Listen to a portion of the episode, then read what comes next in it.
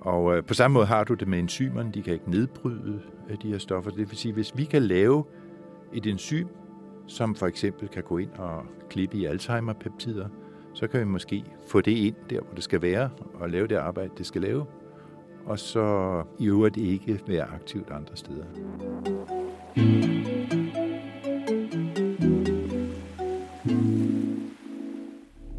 Hver dag gør danske forskere de mest utrolige opdagelser. I denne her podcast, der skal vi tale med danske topforskere og høre om, hvad de går og nørder med, og hvordan det har betydning for vores verden og vores hverdag. Jeg hedder Anja Setti Andersen, jeg er astrofysiker og professor, og med mig har jeg journalist Mikkel Frej Damgaard. Det her er videnskab fra Vilde Hjerner. Jeg glæder mig til at blive klogere.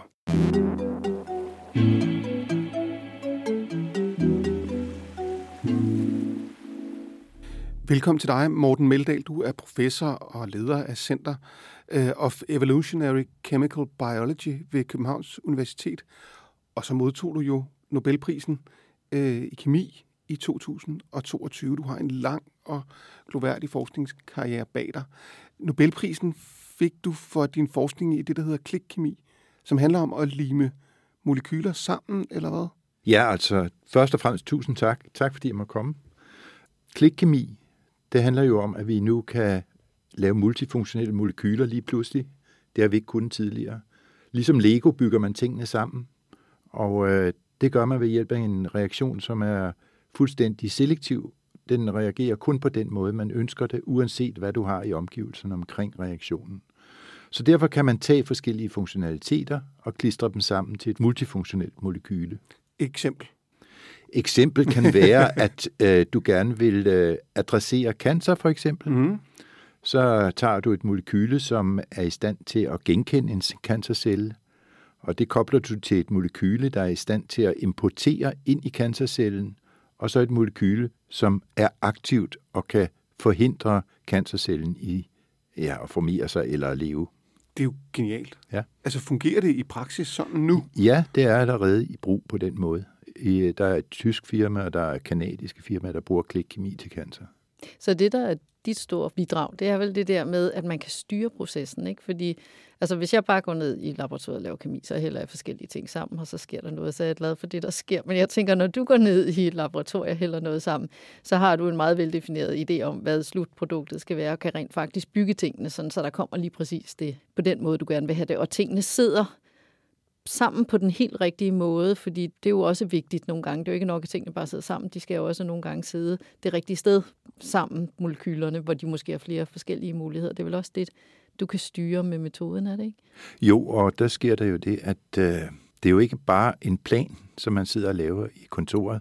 Planerne opstår øh, ved eksperimenterne, så ofte kan eksperimenter, øh, initielle eksperimenter faktisk være ret uplanlagte, og bare være noget, man lige prøver af og på baggrund af de resultater, man så får, laver man nogle konkrete planer øh, og mere indviklede planer, så man ender med at få et funktionelt molekyle. Øh, så det er den måde, vi som regel forsker på i kemi. Ja, så det er jo derfor, det nogle gange er langsomt. Ikke? Det er jo fordi, man skal prøve at gentage tingene så mange gange med små varianter, inden man finder ud af, nå okay, var det, det går bare aldrig. Det? det går, altså det reglen er, at det går aldrig, som man tror i kemi. Fordi virkeligheden er meget mere kompleks, end vi sådan går og tror. Som forskere tror vi jo altid, at vi ved det hele. Og det gør vi ikke. Vi ved meget, meget lidt. Morten, jeg kunne godt tænke mig, jeg, jeg, jeg kan huske fra min skoletid, at jeg sad og lavede modeller af, hvordan molekyler bandt sig til hinanden. Og det, du siger nu, det var jo meget afhængigt af, hvilke molekyler, der var til stede. Det, du siger nu, er, det kan man manipulere, altså det må være en revolution i virkeligheden. Ja, altså, øh, det, der er vigtigt her, det er, at vi kan klistre dem sammen, så ikke bare, at de genkender hinanden, men at vi kan klistre dem sammen, øh, sådan så det bliver et molekyle, der har flere funktionaliteter. Mm. Øh, det er sådan set det, som selve prisen i virkeligheden er gået til. Ja. Det er så en kemisk reaktion, ligesom mange andre kemiske reaktioner, men den her kemiske reaktion er det, der hedder ortogonal på al anden kemi. Det vil sige, at den foregår separat, uanset hvad du ellers har af kemi i din beholder mm. eller i dit system, så foregår det her separat og selektivt. Så det er det, øh, klikkemien kan, og det er det, som vi har sådan set kigget efter i tiden op til klikkemiens opdagelse, fordi vi ønskede at lave millioner af stoffer på én gang, og det kan man kun gøre, hvis man har sådan en selektiv, kvantitativ kemisk reaktion. Når man er kemiker som dig, hvem, hvem tænker du, du står på skuldrene af? Altså, fordi jeg tænker jo, at jeg står på skuldrene af Tycho Brahe. Han var jo også det, man kalder alkymist, som jo, hvor de prøvede at lave guld og sådan noget. Men vel så vel dybest set var de tidlige kemikere, fordi de prøvede jo faktisk at ændre lidt på materialerne, og så var der nogle ting, de ikke havde indset, ikke kunne lade sig gøre. Men hvem står du sådan på skuldrene af? Hvem er det ligesom, du tænker, ah, det var her, det virkelig skete? Altså, jeg står på skuldrene af en hel masse af forskellige, fordi øh, vores platform, vores videnskabelige baggrund er meget multidimensionel. Så vi øh, arbejder både med øh, fysiske metoder, kemiske og biologiske ting. Så vi har en masse folk, vi står på skuldrene af, og jeg tænker, at strukturelt set står jeg på skuldrene af en, der hedder Kurt Wittrich og Claus Bock, som var min mentor og som er rigtig, rigtig dygtig til at kigge på molekylære interaktioner ved hjælp af det, der hedder NMR, altså øh, de små magneter inde i molekylerne, man kigger på, hvordan de opfører sig. Og så har jeg selvfølgelig fastfase øh, kemi og kombinatorisk kemi, og der er det typisk Merrifield, som jo opfandt fastfase-syntesen, og som er årsagen til, at vi kan lave kombinatorisk kemi på fast fase i dag. Hvad vil det sige at lave det på fast fase? Det er, altså, det er, så, det er det man har sådan en lille svamp ja. af polymer, uh, hvor indeni man kan lave kemi, sådan så de hænger fast på de her polymerkæder. Og så når man er færdig med at lave bygge op, så kan man så tage det af. Så man ender med at få et molekyl i hånden, uh, som før sad fast på den her faste fase. Det vil ja. sige, at man kan meget nemt uh, putte den ned i et filter, og så skylle og reagere og skylle og reagere. Lave en hel masse reaktioner på det. Meget nemt, fordi det sidder fast på den her faste fase, og så efterfølgende trække det ud af den faste fase. Jeg tænker, det er egentlig lidt ligesom at prøve at lægge sadel på en hest, som bare går tilfældigt rundt ude på marken, eller en, som faktisk er tøjet til en pæl, hvor den så bliver stående, mens man lægger sadel på. Det er et glimrende billede, ja. Hvordan gør I? Altså helt konkret? Nu siger du det med, at I skyller og reagerer og sådan Ja, vi, vi har jo en masse apparatur, som vi bruger til det her. Ja. Det er bundet i det, der hedder flowsyntese, hvor man ligesom har en kolonne, og så lader man kemikalier i opløsning strømme ned igennem den her kolonne. Og så sker der en reaktion, så laver man en udvaskning af de reagenser, og måske en afbeskyttelse, som det hedder, et eller andet sted og så laver man en ny reaktion der, hvor man har afbeskyttet, så man bygger molekylet op trin for trin, lidt ligesom med, med lego Ja, det var det første, jeg tænkte. Ja. Uh, og så når man er færdig med den byggeproces, uh, så har man en igen selektiv reaktion, der gør, at man kan pille molekylet af den faste fase. Altså man kløver en binding, en kemisk binding et eller andet sted, så molekylet kommer ud af den her plastikkugle. Men du er ren kemiker, men, men din forskning, og det, som I jo også fik Nobelprisen, I var jo tre, der fik Nobelprisen, det er jo sådan kemi over mod biologien, og det er jo tit der, hvor det ene fag stod ind i det andet fag, det begynder at blive rigtig spændende. Men du er ikke selv biolog, men du arbejder sammen med biologer, eller? Men jeg har arbejdet med blandingen ja. af kemi og biologi i mange, mange år. Jeg har arbejdet sammen med immuno, immunologer inden for Penum Instituttet, mens jeg var på Carlsberg. Vi har arbejdet med glykoproteiner og glykopeptider, altså den måde, som de naturlige proteiner ser ud på, det er jo noget med, hvor der sidder sukker på overfladen og sådan noget. Det har vi undersøgt og studeret. Vi har set det i forbindelse med immunologi, for ofte er det de her kulhydrater, der er vores antigener. Hvis vi bliver syge for eksempel, så skal vi jo bekæmpe de sygdomsorganismer, som vi har i os, og det gør vi ved hjælp af antistoffer, som typisk genkender kulhydrater på celloverfladerne. Er det primært i øh, medicin, at man bruger, man bruger din forskning? Nej. Men jeg tænkte også, det kunne Nej, også være fødevarer. Det er og især, øh, især medicin, men også i materialer. Altså man kan bruge den her uh, kemi til at lave meget uh, stabile materialer. Der er vist nok et polymermateriale, som er ligesom kevlar, som man kan bruge til uh, skudsikre veste for eksempel, eller vi har selvhelende malinger til fly, som bliver lavet ved hjælp af klikkemi, hvor der sidder sådan nogle små bobler af klikkemi-reagenser inde i malingen, og når malingen så går i stykker, der kommer en revne, så går boblerne i stykker, og så blandes det, og så laver det klikkemi og klikker det sammen igen. Jamen, dit klikkemi er vel i virkeligheden sådan helt essensen af grundforskning, fordi jeg tænker, det, der har drevet dig ned i laboratoriet, det var, at du vil bare gerne forstå. Og du har jo ikke vel tænkt, eller har du, at det her kan bruges til x, y, z? Det er sådan noget, det der er kommet bagefter, ikke? Det, det er det ikke det, der... tænkt på den måde, nej. Nej, nej, at det er altid, at man vil bare gerne forstå, og man tænker, kan det nu lade sig gøre? Og så, øhm, kan det bruges bagefter. Det er man jo tit enormt glad for, hvis det kan bruges til noget fornuftigt, og man ville da gerne have vidst det, dengang ja. man startede, men det er ligesom ikke det. Øh. Vores hovedformål i dag med klikkemi, det er at stabilisere øh, kemiske strukturer. Fordi øh, kemiske strukturer, det er jo sådan nogle fleksible molekyler med alle mulige muligheder, proteiner folder og folder ud igen. Øh, og øh, der vil vi gerne kunne holde på en bestemt struktur, fordi ja. øh, der er en masse statistik involveret i kemi, så hvis vi kan holde fast i en struktur, så reducerer vi øh, de mange muligheder, statistiske muligheder, der er for molekylerne. Og det vil sige, at vi får noget, der binder meget kraftigere, der er meget mere aktivt biologisk set. Så det vi gør, det er at holde fast i strukturer. Vi laver nogle kunstige proteiner, hvor vi kan holde fast ved hjælp af broer inden for proteinet, kan vi holde fast i det her øh, struktur, som vi har designet ved hjælp af computer. Morten, hvad er det ved kemien, der tiltaler dig? Fordi noget af det, du siger, jeg kan sagtens forstå den enorme tilfredsstillelse, når sådan en ting lykkes, altså når noget ustabilt lykkes, man gør det stabilt, eller en organisering af ting, eller en orden. Hvad, hvad er det, der tænder dig i laboratoriet? Det, der tænder mig i laboratoriet, det er selve forståelsen, den kemiske forståelse, som jo i virkeligheden er eksistentiel. Altså, vi har jo øh, i denne her verden ikke andet end kemi, og så lige det lys, vi kan bruge til at se kemien med. Men alt, hvad vi har omkring os, inklusive dig og mig og den her mikrofon, det er kemi.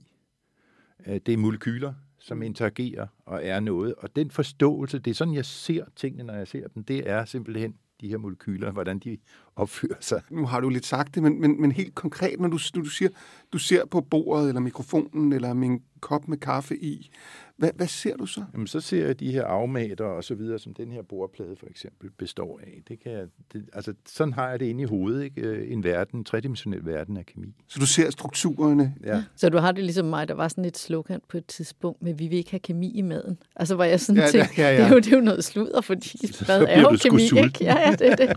Altså. Men jeg kan godt se det tiltalen, eller jeg kan godt, det kan også forføre mig forestillingen om det der med, hvis jeg kunne zoome ned og ned og ned og ned og ned og ind, og pludselig se, at, at det, jeg troede var fast, slet ikke var fast, men en bestemt struktur, der havde lagt sig ind. Og det er der, jeg gerne vil ind i virkeligheden hos børnene på et meget tidligt tidspunkt faktisk bruge undervisning allerede fra første klasse til at give øh, børnene den billedmæssige forståelse af den kemiverden, der omgiver os, og som er allesteds nærværende. Altså, kemi er jo alting. Ja. Så hvorfor skal vi ikke undervise børnene i alting? Det synes jeg er en god idé, fordi man kan sige, at kemi bliver jo lidt stedmoderligt øh, behandlet ofte i, i undervisningssystemet, fordi det hedder jo fysik-kemi i folkeskolen, men de lærer jo mere fysik, og det er jeg selvfølgelig som fysiker super glad for, men, men de vil jo ikke tage skade af at lære noget kemi. Nej, og de ser først kemi i 7. klasse, og det er alt, alt for sent, for på det tidspunkt det er på vej ind i, i puberteten. Alt det der med at gemme billeder inde i hjernen, det er slut. Uh, hvis man tænker tilbage på sin barndom, så står der nogle billeder fuldstændig klart, som man har fået, da man var en 4-5-6 år gammel mens at man slet ikke kan huske, hvad der er sket for 14 dage siden. Derfor er der meget stort potentiale for netop at lære børnene den visuelle verden, som kemien jo faktisk er, når man kommer ned i den i detaljerne.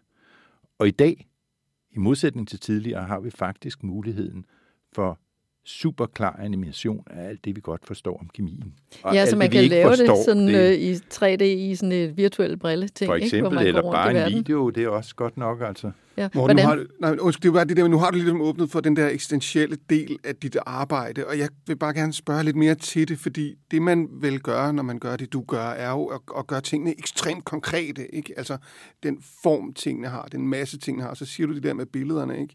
Altså, er det sådan, du, du tænker om virkeligheden? At den er i en struktur, som måske kan laves om, men den kan nedbrydes til mikroskopiske punkter, som er sat sammen med nogle andre? Ja, det er jo virkeligheden. Altså, det var jo Demokrits øh, kæmpe op- ja, ja. opdagelse helt tilbage for 2500 år siden, sagde Demokrit.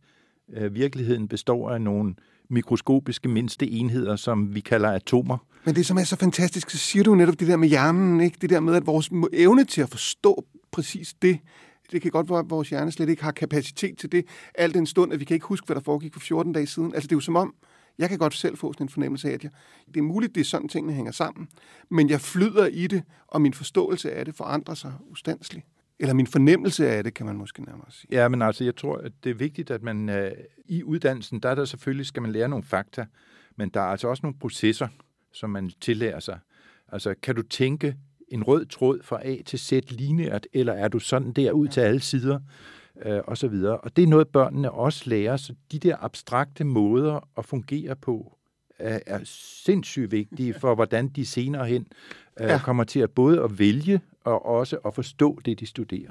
Ja, fordi man bliver bedre til det, man øver sig på. Ikke? Ja, ja, altså, det er klart. Det er så, lidt så det ligesom er jo musik, musik, ikke? Ja, er det, altså, eller man, fluefiskeri, eller for den sags skyld. Ja, ja. Eller, altså, hvis man ikke øver sig på kemi, bliver ja. man jo ikke god til kemi. Nej. Hvornår blev du selv interesseret i kemi, Morten? Var det så før din hjerne var låst fast, eller var det... Jeg har altid været evolutionært øh, interesseret, helt fra jeg var barn af, fordi jeg synes, det var så fantastisk og så smukt. Der, hvor jeg var, jeg var meget privilegeret, fordi mine bedsteforældre havde en stor gård på Bornholm. Og øh, der blev jeg bare sluppet ud klokken 7 om morgenen og så ind, når det blev mørkt. Så du har fundet fossiler og forsteninger? Alt, og, alt, hvad du kan tænke dig af, af oplevelser for børn, det havde jeg derovre på en meget naturlig måde. Så det gav mig sådan en interesse for, hvorfor det hele er, og hvor, hvor smukt det er, og sådan noget. Og øh, så senere hen, øh, så blev det jo så kemi, og det blev det meget på grund af krudt, fordi dengang, der kunne man gå ud og købe, øh, købe krudt, øh, altså man kunne købe alle mulige reducerende og oxiderende øh, stoffer, og så blande dem sammen og se, hvordan de opførte sig. Så du har været en af dem, der har siddet nede i kælderen? Og, det skal jeg love dig. Jeg lavede de flotteste raketter, da jeg var ung, men det skal man jo ikke øh, gå ud med i dag, fordi det er jo simpelthen farligt. Ja. Hvad, hvad sidder du og arbejder med øh, i det her øjeblik? Vi arbejder på at lave funktionelle enzymer øh, ud af aminosyre, som ikke er de naturlige. Så vi har en masse forskellige muligheder for at lave ens, øh, enzymer og foldede proteiner øh, ved hjælp af alle mulige unaturlige aminosyre, også med en afkobling af den, ja, der, nu kommer der lidt teknisk term, der er Prøv. noget, der hedder taxicitet, som består i, at alle aminosyrene har den samme konfiguration. Og det betyder, at de forlænger egenskaberne ned igennem den her peptidkæde, og derfor får man de her foldninger, hvor vi har en alfa-helix og et extended strand osv., som I sikkert har set billeder af for proteinerne. Så det kan vi bryde, det mønster, og der kan vi lave mikroproteiner, altså meget små proteiner, som stadigvæk folder, fordi vi ikke skal have de her lange strukturer. Så det vil sige, at bruge nogle af de aminosyre, som ikke er... Altså det er jo så mærkeligt, at livet bruger jo kun nogle af de aminosyre, der ja. er til rådighed i naturen. Det er en balance, økonomisk balance. Ja, men du har så fat i nogen, noget af det der, som man kan sige ikke er så interessant for livet, og kan bruge det til at sætte det sammen til ja, alt muligt. og det betyder så også, at man kan komme ind ortogonalt på livet igen. Ja. Fordi øh, så har vi ikke metabolisme, der kan behandle de her ting.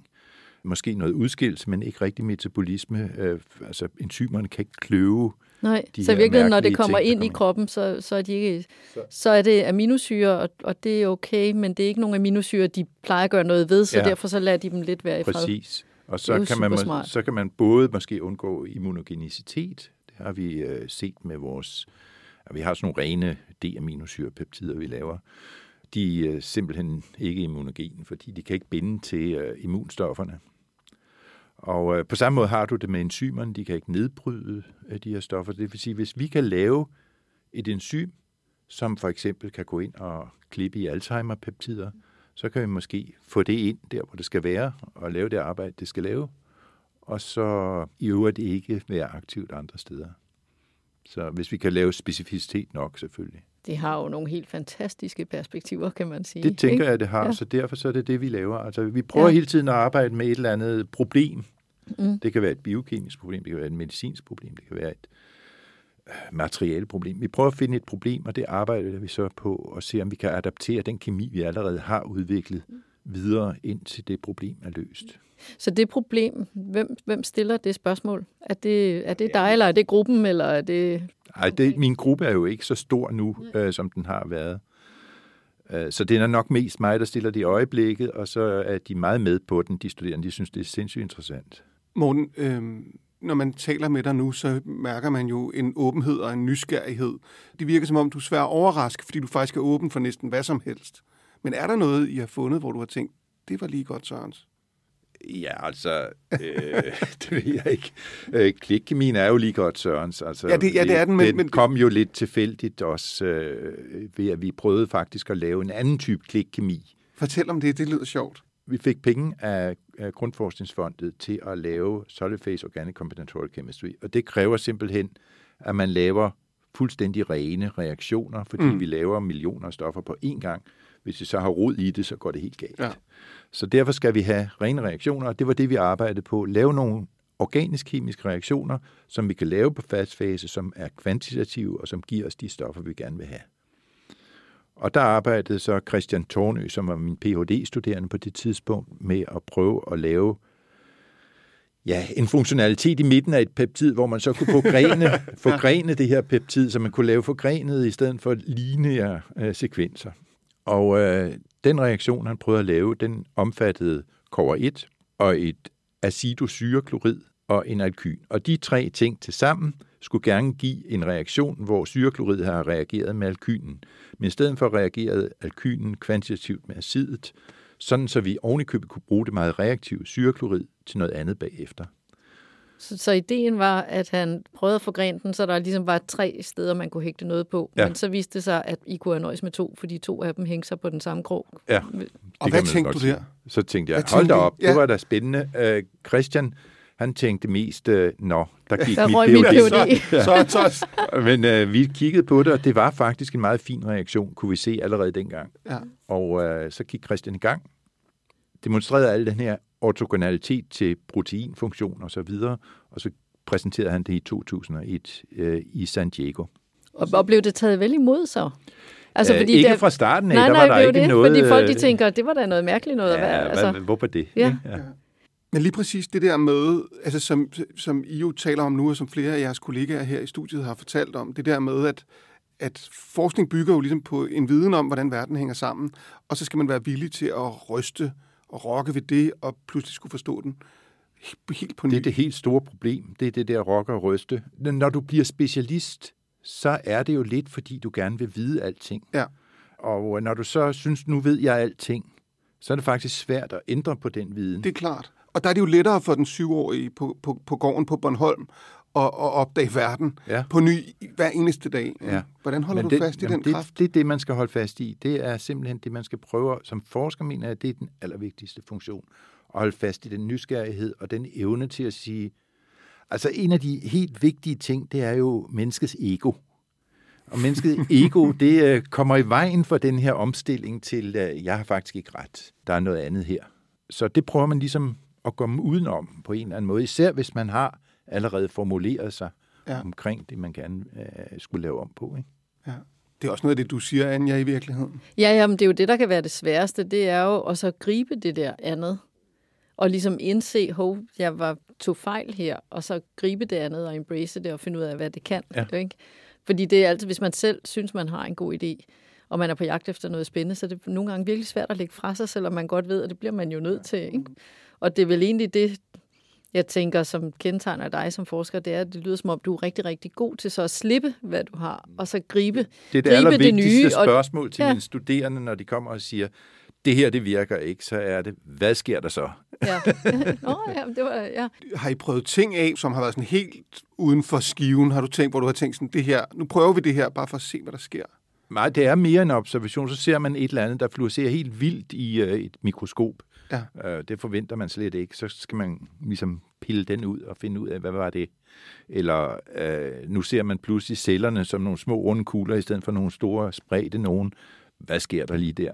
Ja, ikke? Altså, Nu sagde du, at ego kunne stå i vejen for, at man fulgte det nye spor. Men hvad er det, der får dig til at blive ved og ved og ved? Sådan, at, at når man forsker, ikke? Men fordi at, at der er jo de perioder, hvor det går godt, hvor tingene kører, så er det jo sjovt at komme i laboratoriet. Så er der jo de der perioder, hvor der ikke er noget, der virker, og der skal man jo hive sig selv op i nakkehåren.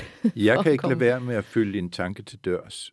Øh, så det er sådan set det, tror jeg lidt, når jeg har fået en eller anden, øh, hvad er det for noget, øh, idé, og så kommer hjem, så kører den lidt rundt i baghovedet, mens man går og laver mad, og så lægger man sig til at sove senere på aftenen, og der kører tankerne simpelthen ud af sporet, og man bliver ved indtil man når ud til nogle øh, logisk sammenhængende konklusioner, som kører hele vejen ud af sporet ind til enden. Ja.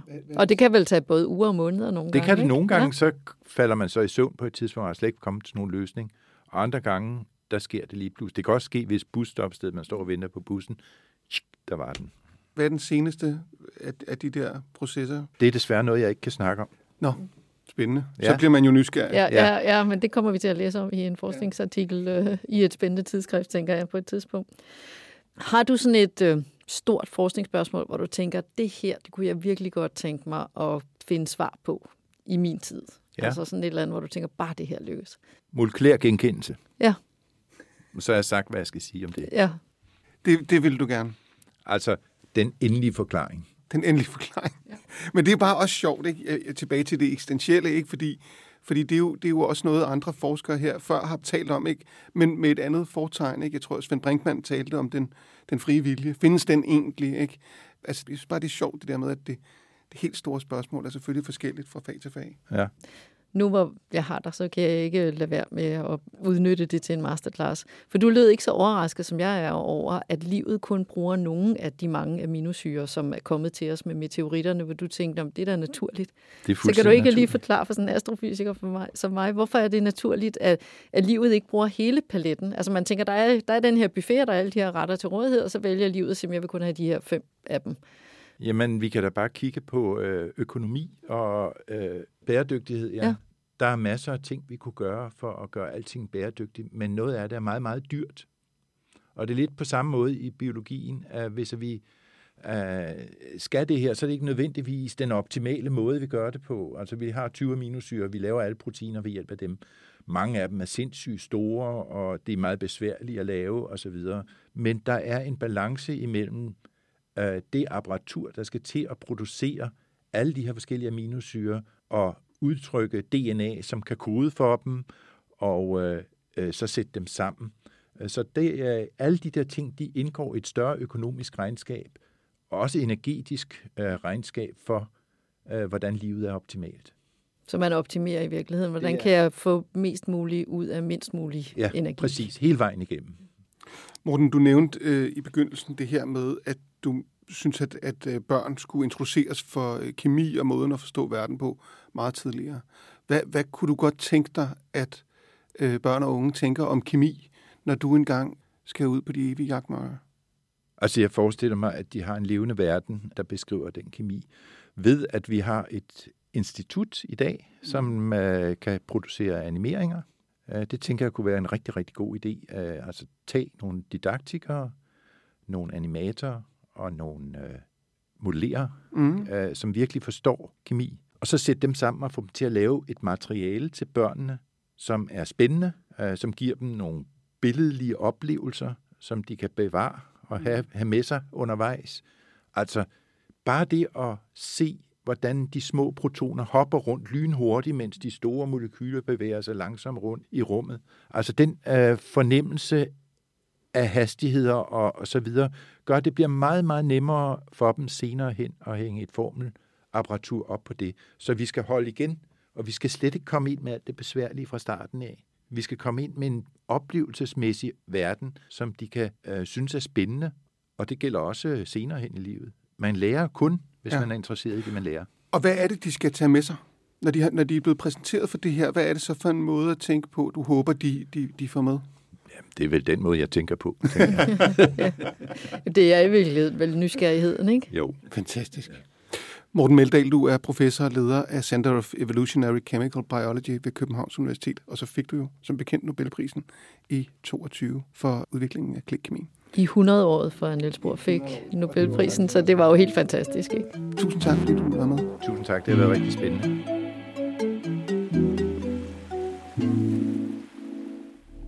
Du har lyttet til Videnskab fra Ville Hjerner. Lærte du noget nyt og spændende Måske noget om klikkemis enorme potentiale. Så anmeld endelig podcasten, så den når ud til endnu flere. Og del den med dine venner. Værterne er Anja Setti Andersen og Mikkel Frey Damgaard. Dagens gæst er Nobelprismodtager i 2022 i kemi, Morten Veldal. Podcasten er produceret af mig, Benjamin de Sousa. Serien er et samarbejde mellem Podimo og Videnskabsår 22 og er støttet af Novo Nordisk Fonden, Willum Fonden Poul Du Jensens Fond og Bitten og Mads Clausens Fond.